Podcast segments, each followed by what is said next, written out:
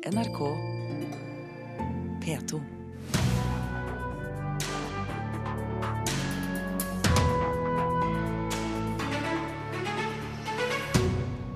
Y-blokken bør også bevares, det mener norske arkitekter. Det er ikke sikkert kampen om regjeringskvartalet er over, mener vår kommentator.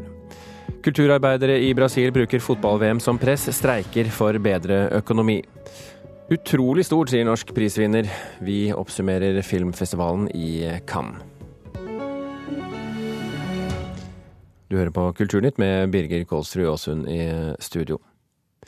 Y-blokken bør også bevares, eh, mener altså presidenten i Norske arkitekters landsforening. Han eh, kommer hit snart for å kommentere gårsdagens nyhet fra regjeringen Solberg om at de vil rive Y-blokken, men bevare Høyblokken og bygge et nytt regjeringskvartal.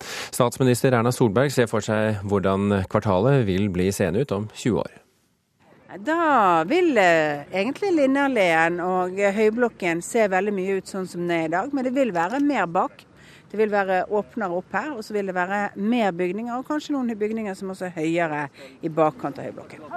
I dag en øde by midt i byen. Sponplater dekker over vindusåpninger, veiene er sperret for biler.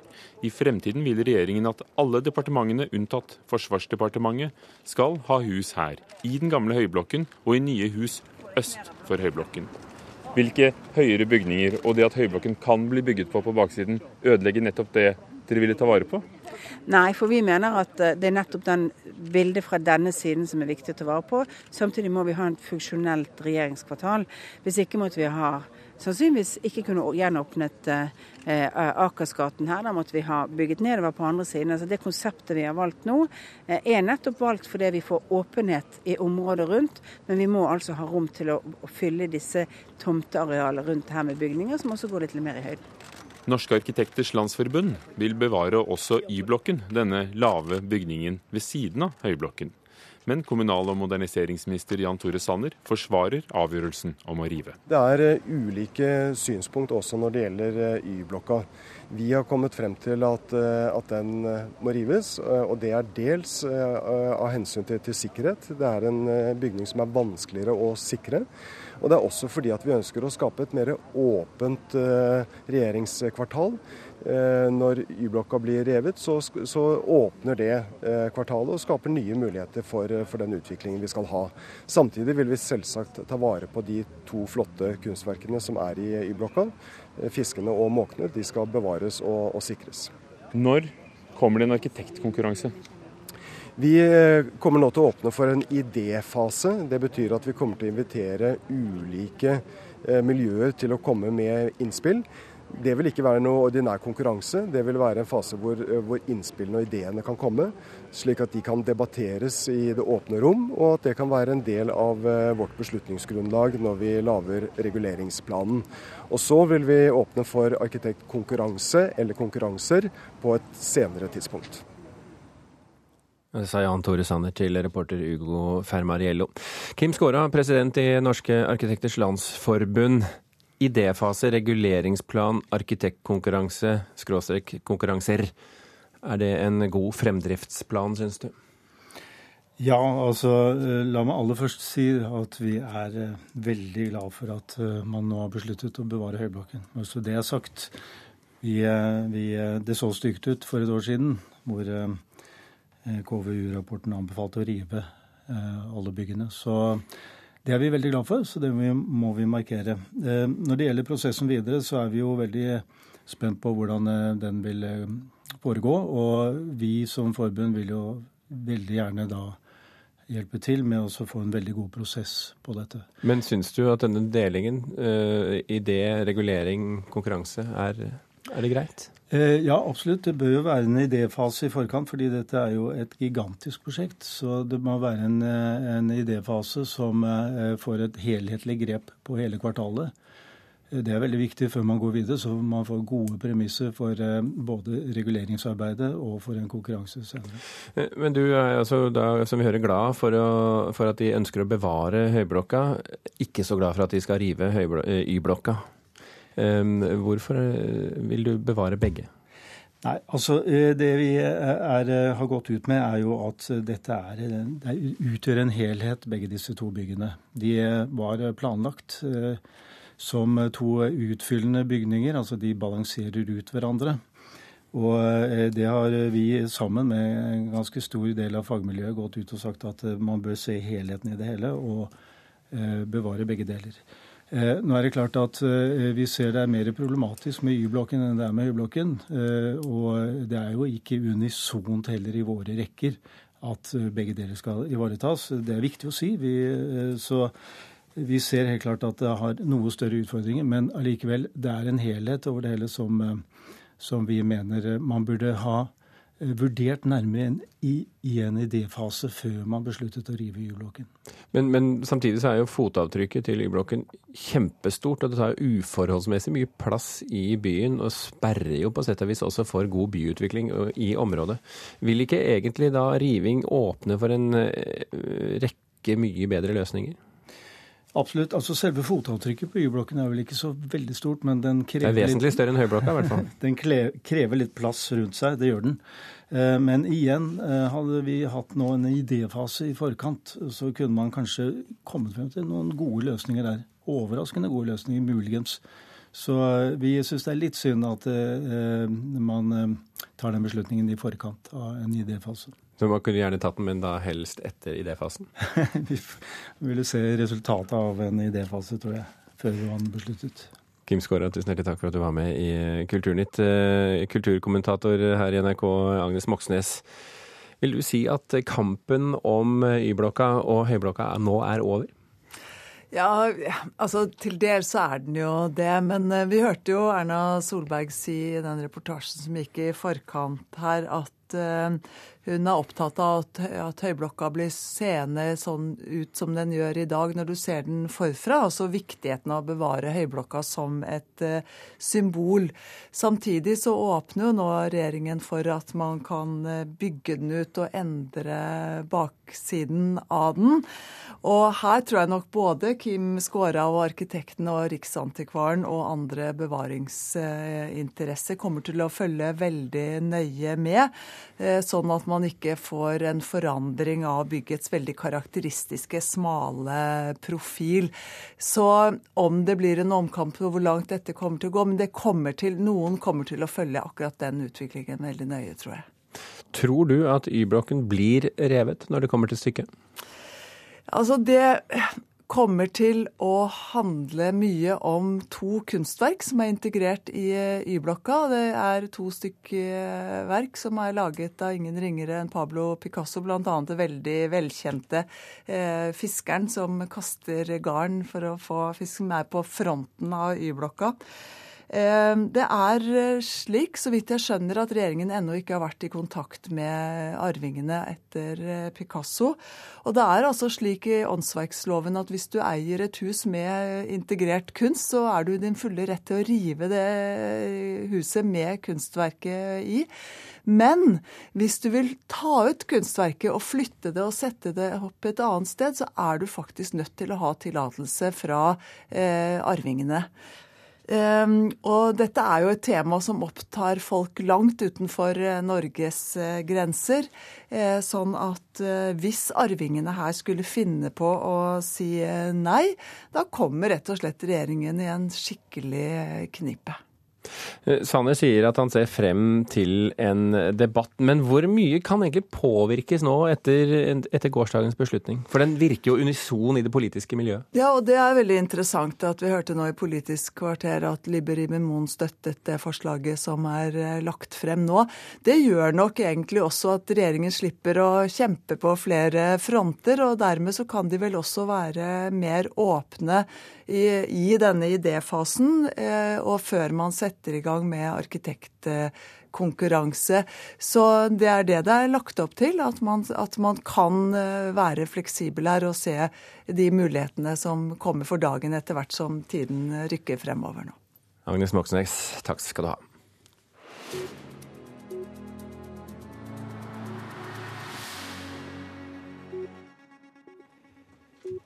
Norske Lisa Loven Kongsli gleder seg over pris under filmfestivalen i Cannes. Hun spiller hovedrollen som tobarnsmor på skiferie i Alpene i svenske Ruben Østlunds film 'Turist', som altså fikk juryens spesialpris i sideprogrammet 'Un certain regard'. Vi skal høre her. Det er uh, utrolig stort. og veldig overraskende, må jeg bare si. Sånn for min del. Jeg syns det var stort nok å komme til Cannes og være med på hele den uh, hele sirkuset, på en måte. Og så ikke nok med det, men så skulle man også vinne en pris. Så, så det er helt, helt uh, utrolig. Helt fantastisk gøy. Hva er ditt inntrykk av hvordan filmen er blitt tatt imot? Det er over all forventning, det må jeg bare begynne med å si.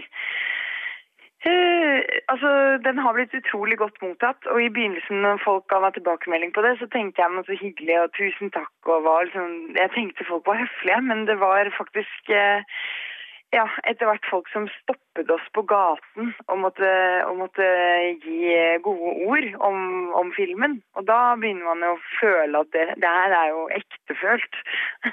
og det var også liksom folk fra ja, hele verden. Det var fra Argentina, Buenos Aires og Danmark og Amerika. Det var liksom veldig mange forskjellige typer mennesker, noe som gjør at det, blir, det var gøy for oss å føle at filmen kanskje når ut til et uh, universelt publikum, da, som er kjempegøy og stort.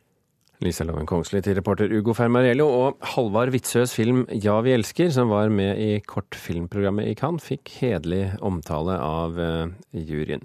Vegard Larsen, programleder i Filmbonanza her på NRK, har nettopp kommet hjem fra, fra Cannes. Uh, det ble den tyrkiske filmen 'Vintersøvn', altså, som fikk årets gullpalme. Er det et uventet valg? Nei, egentlig ikke. Altså, regissøren er Nuri Bilge Ceylan, eller hvordan man nå sier det på tyrkisk er en eh, fyr som har markert seg sterkt i Cannes tidligere. Han har vunnet eh, Grand Prix-prisen to ganger, som ja, man kan vel egentlig definere det som en slags sølvmedalje, altså den eh, nest mest høythengende prisen i Cannes. Så når han deltok der i år, så var han en av forhåndsfavorittene og stakk jo da av med Gullpalmen.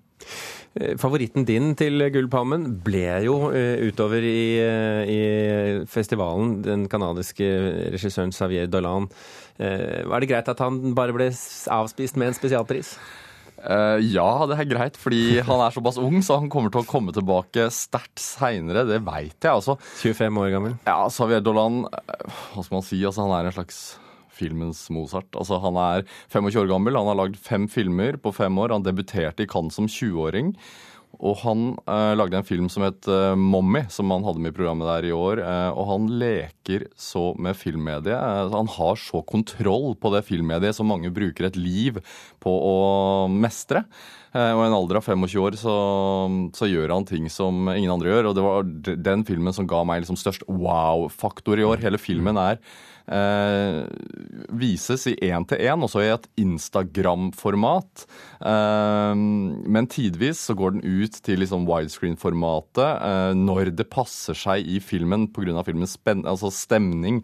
Han er en fyr som kjenner filmmediet inn og ut, til tross for sin svært unge alder. Vi får høre mer fra ham, eh, har jeg følelsen av. Det var jo sånn på forhånd at det virket ikke som det var noen store og klare favoritter på årets eh, festivalprogram. Eh, er det noen helhet i juryens priser i år? Er det det? Altså, det ja Vanskelig å se, virker det som? Det er vanskelig å se. Altså, det, det, er sant det du sier. Altså, det var ingen klar favoritt. Eh, men ettersom festivalen skred frem, så eh, ble det en svært, svært god festival eh, hva gjelder filmene. Altså det kom svært mange bra filmer i år. Nå har vi nevnt to, vi kan nevne liksom en håndfull til. La oss nevne Foxcatcher, altså denne Bennett Miller-filmen. Han fikk jo pris som beste regissør. Mm. Men det var kanskje skuespillerprestasjonene der som var mest overraskende? Absolutt. Bennett Miller er jo en veldig veldig spennende regissør. Han har gjort seg bemerket før med Moneyball, hvor Brad Pitt spilte. Han har gjort seg bemerket med Capote, om uh, Truman Capote. Uh, denne gangen lager han en film basert også på en sann historie, uh, som handler om John DuPont, en eksentrisk mangemilliardær i USA, som hyrer inn et brytelag hvor skuespillerne, som du sier, gjør helt utsøkte roller. Kanskje også først og fremst Steve Carell, en komiker som vi kjenner Bare fra tøyseroller? Bare fra tøyseroller, som spiller helt utrolig overbevisende som denne ja, gærne mangemilliardæren. Så vi kan glede oss til den kommer til Norge? Ja, absolutt. Tusen hjertelig takk, Vegard Larsen, for at du kom hit på Morgenkvisten. Klokken er eh, snart 18 minutter over åtte. Du hører på Kulturnytt, og dette er toppsakene i Dagsnytt akkurat nå. Det er fortsatt ikke klart om det blir streik blant ansatte i stat og kommune. Meklingen pågår ennå. Trysil er rammet av 50-årsflom. Det stiger eh, vann fortsatt. Det er eh, ventet omfattende oversvømmelser og flomskader flere steder i Hedmark, Oppland, Akershus og Østfold. Og EU-skeptikere og høyrepopulister har gjort et brakvalg i Europaparlamentet. Før helgen åpnet utstillingen Bauhaus scenekunst, menneske, rom, maskin, på Henny Onsdag kunstsenter på Høvikodden utenfor Oslo. Og Mona Palle Bjerke, kunstkritiker her i NRK, la oss få litt voksenopplæring først. Hva er Bauhaus? Jo, Bauhaus er en uh, kunst, kunsthåndverk, industridesign og arkitekturskole uh, i Tyskland, som ble startet av Walter Groupies, veldig kjent arkitekt, i Weimar i 1919. Og den har jo tre stasjoner. Den flyttet da videre til Dessau, industribyen Dessau, og hadde sine siste år da i Berlin, før den ble stengt i 1933 av nazistene. Og Groupies han hadde jo denne visjonen om Bauhaus. Han brukte da et ekspressivt tresnitt på manifestet manifestet for å vise Og dette var, viste da en gotisk katedral, som jo var bildet, le, legmeliggjøringen av høymiddelalderen. Og han ville at på lignende måte så skulle Bauhaus avføde en sånn dynamisk design for samtiden. Noe han virkelig lykkes med, denne visjonen. At det skulle være sånn kesantkunstverk med synergieffekter tverrfaglig. Og det er jo blitt stående som bilde på den tidlige modernismen i Europa. Men scenekunsten, den eksperimentelle scenekunsten, den er jo ikke så godt kjent i, i, dette perspektivet? I noen aviser nå etter utstillingen åpnet, så har jo vært liksom nesten fremstilt som om dette er en, liksom en, hemmelighet, en veldig skjult eller glemt side ved Bauhaus. Det er det absolutt ikke. Den er nok mindre eksponert enn liksom stoler og produkter og liksom dette rene, enkle, funksjonalistiske uttrykket som vi kjenner eh, knytter til Bauhaus. Er litt mindre håndfast, på sett og vis? Ja, men det var en veldig viktig eh, del av Bauhaus-prosjektet. Også fordi her ligger det eh, tverrfaglige potensialet så sterkt ved at her kunne man ha lysdesignere, lyddesignere, kostymedesignere, eh, skuespillere. Det var så veldig dette potensialet, kongstanken i Bauhaus, kunne Mm. utfoldes så veldig i det sceniske. Men hvordan vises dette da på Høvikodden? Det er jo Oskar Slemmer, den store liksom, skikkelsen som forbindes med scenekunsten, og hans eh, kostymer, som står veldig sentralt, og hans også veldig bisarre og heftige koreografier, bl.a. i den triadiske ballett, som er ganske kjent. Og her kan vi se både kostymer, og de blir også levendegjort ved en dansetrupp som interagerer i utstillingen. Da. Og det, det blir veldig flott. Så vi får et levende bilde av dette sceniske, eksperimentelle, avantgardistiske eh, prosjektet. Og, og så vidt jeg har forstått, så er det altså primærfargene rødt, blått og gult som, som spiller eh, en slags rolle i, i dette på Henny Jonstad kunstsenter. På hvilken måte? Jo, for dette er noe som springer ut av forkurset, det sagnomsuste obligatoriske forkurset på Bauhaus, der en Kandinsky-idé videreformidles av Johannes Itte i hans fargeforelesninger. Og dette knyttet seg til en idé om at de primære fargene, altså rødt, gult og blått, knyttet seg til de grunnleggende geometriske formene. At eh, sirkelen skulle være blå, pyramiden gul og kvadratet rødt. Og dette har de da brukt med veldig stort hell i utstillingen, og gir også utstillingen en veldig sånn typisk Bauhaus et typisk Bauhaus-uttrykk.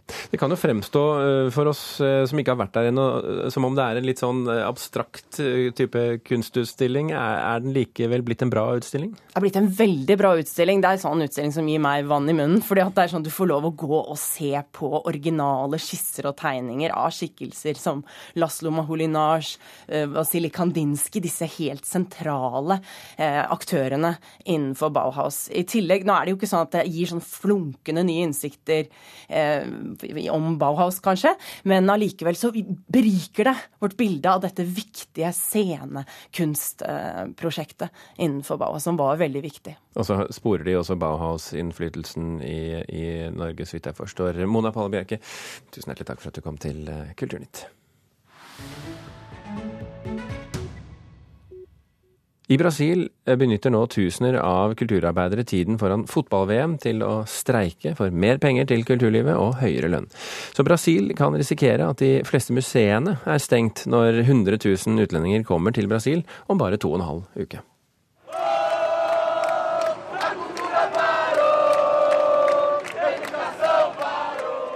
Kulturlivet har stanset opp skolene fungerer ikke og helsevesenet er en skandale, roper deltakerne i en demonstrasjon her i Rio nå i helgen.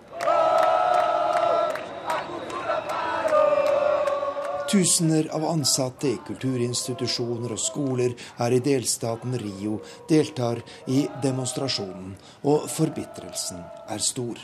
Mens astronomiske summer brukes til å lage tidenes dyreste fotball-VM, blir kulturbudsjettene stadig magrere. Og lønningene til Brasils kulturarbeidere har sakket etter andre grupper i samfunnet, sier demonstrantene. Valeria Gauss, som er sjef for et bibliotek her i Rio, mener det er mange og gode grunner til å streike og demonstrere.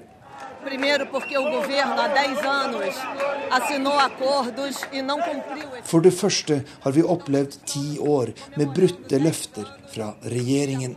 Det gjelder både bevilgninger til kulturlivet og lønninger til oss som jobber i museer, biblioteker, på teatre og i andre offentlige kulturinstitusjoner.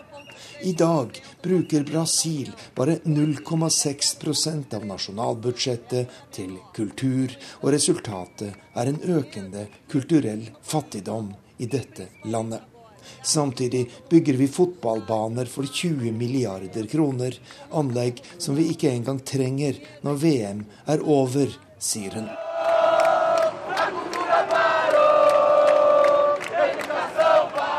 Og streiken i kultursektoren kan koste Brasil dyrt når mer enn 600 000 utlendinger om et par uker kommer hit til landet for å oppleve fotball-VM.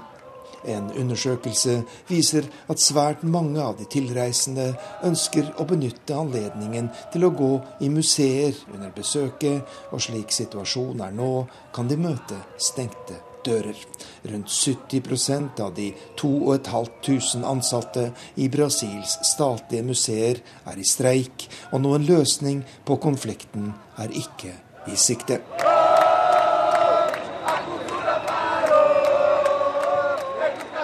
Reporter i Rio de Janeiro, det var Arnt Stefansen. Den britiske forfatteren Julian Barnes står bak elegante romaner som Flauberts papegøye og Fornemmelsen for slutten, den siste som han fikk den høythengende Man Booker-prisen for. Denne gangen er han eh, ute med en eh, ny bok, noe helt annet, sier vår kritiker Marta Norheim. Den eh, tynne boka inneholder tre fortellinger med titlene Høydesynden, På samme nivå og tapet av dybde. Dermed trekker forfatteren ei vertikal linje ifra høgt til lågt. Men vi må ikke hoppe over den sentrale informasjonen som finnes på sida framfor den korte innholdslista. Der står det Til Pat. Pat, får vi vite, var kvinna forfatteren var gift med i 30 år, før hun døde av en aggressiv kreft i 2008. Men dette er ikke fortellinger om Pat, eller om Pat og Julian. Det er i grunnen ikke fortellinger heller. Så, hva er det den prisvinnende forfatteren av elegante, litt distanserte romaner har kommet med denne gangen? Jo, slik jeg ser det, inneholder boka Livets nivåer tre essay om å sveve. Noen svever med kunst, andre med religion, de fleste med kjærlighet. Men når vi svever, kan vi også styrte. Det er langt mellom myklandingene. Hver eneste kjærlighetshistorie er en potensiell sorghistorie. Om ikke først, så senere. Om ikke for den ene, så for den andre. Av og til for begge. Den som gir seg over til svevet, kan risikere fallet. Men verre enn å falle er det å aldri våge seg på et svev av et eller annet slag. Det starta kjekt og kuriosaspekka med disse dristige menn og kvinner som drog til værs i luftballonger på 1800-tallet. Når eh, gudene ikke lenger fantes der oppe, var det ingen til å straffe ikarosser som aspirerte mot høgdene, og eh, de som kom ned i livet, kunne fortelle om sterke opplevelser av ro og overblikk under og over skyene. I midtessayet På samme nivå prøver én ballongflyger å fri til en annen, men eh, den eventyrlystne kunstneren, og altså også ballongflygeren Sara Bernard, så ekteskapet som ei real krasjlanding og takka nei. Det siste og lengste og tyngste essayet, Tapet av dybde, handler om ektemannen Julian Barnes som sørger over kona si, på femte året. Og nei, det er ikke et essay om kona, men om fraværet av henne i livet til forfatteren. Det er et krevende prosjekt, men den langsomme oppbygginga av metaforer kring høgder, svev og fall i de to første essayene kommer til god nytte der de klinger med i teksten om sorg, en tekst som er klok og gripende, uten å falle ned verken i det for intime eller det flinkt skildrende. Så kan en lure på hvorfor det heter tapet av dybde og ikke tapet av høyde. Det knyter seg til den sekulære ramma barns tolker livet sitt innafor. Det er et liv uten forestillingene om et dødsrike, og annerledes kan han ikke forstå det hele. Det er bare universet som gjør greiene sine, er oppsummeringa hans. Og enten en følger han i den analysen eller ei, står det fast at de tre essaya i Livets nivåer er tankevekkende prosa om, ja, om livet i og etter det store svevet. Ja, Det sa vår eh, kritiker Marta Norheim om boken 'Livets nivåer' av den britiske forfatteren Julian Barnes, som er oversatt til norsk av Jon Erik Bø Lindgren. Kulturnytt er slutt for i dag, og sendingen eh, fylte vi bl.a. med at Norske arkitekters landsforbund gjerne skulle sett at også Y-blokken ble bevart. Og vår kommentator Agnes Moxnes syns det er interessant at det politiske miljøet i Norge syns å stå bak regjeringens løsning i regjeringskvartalsspørsmålet, men at det fremdeles er vanskelige spørsmål som må løses. Kulturnytt fikk du av Hanne Lunås, Gjermund Jappé og med Birger Kolsrud Jåsund i studio. Øystein Heggen sitter klar med siste nytt fra meklingen i stat og kommune. Hør flere podkaster på nrk.no podkast.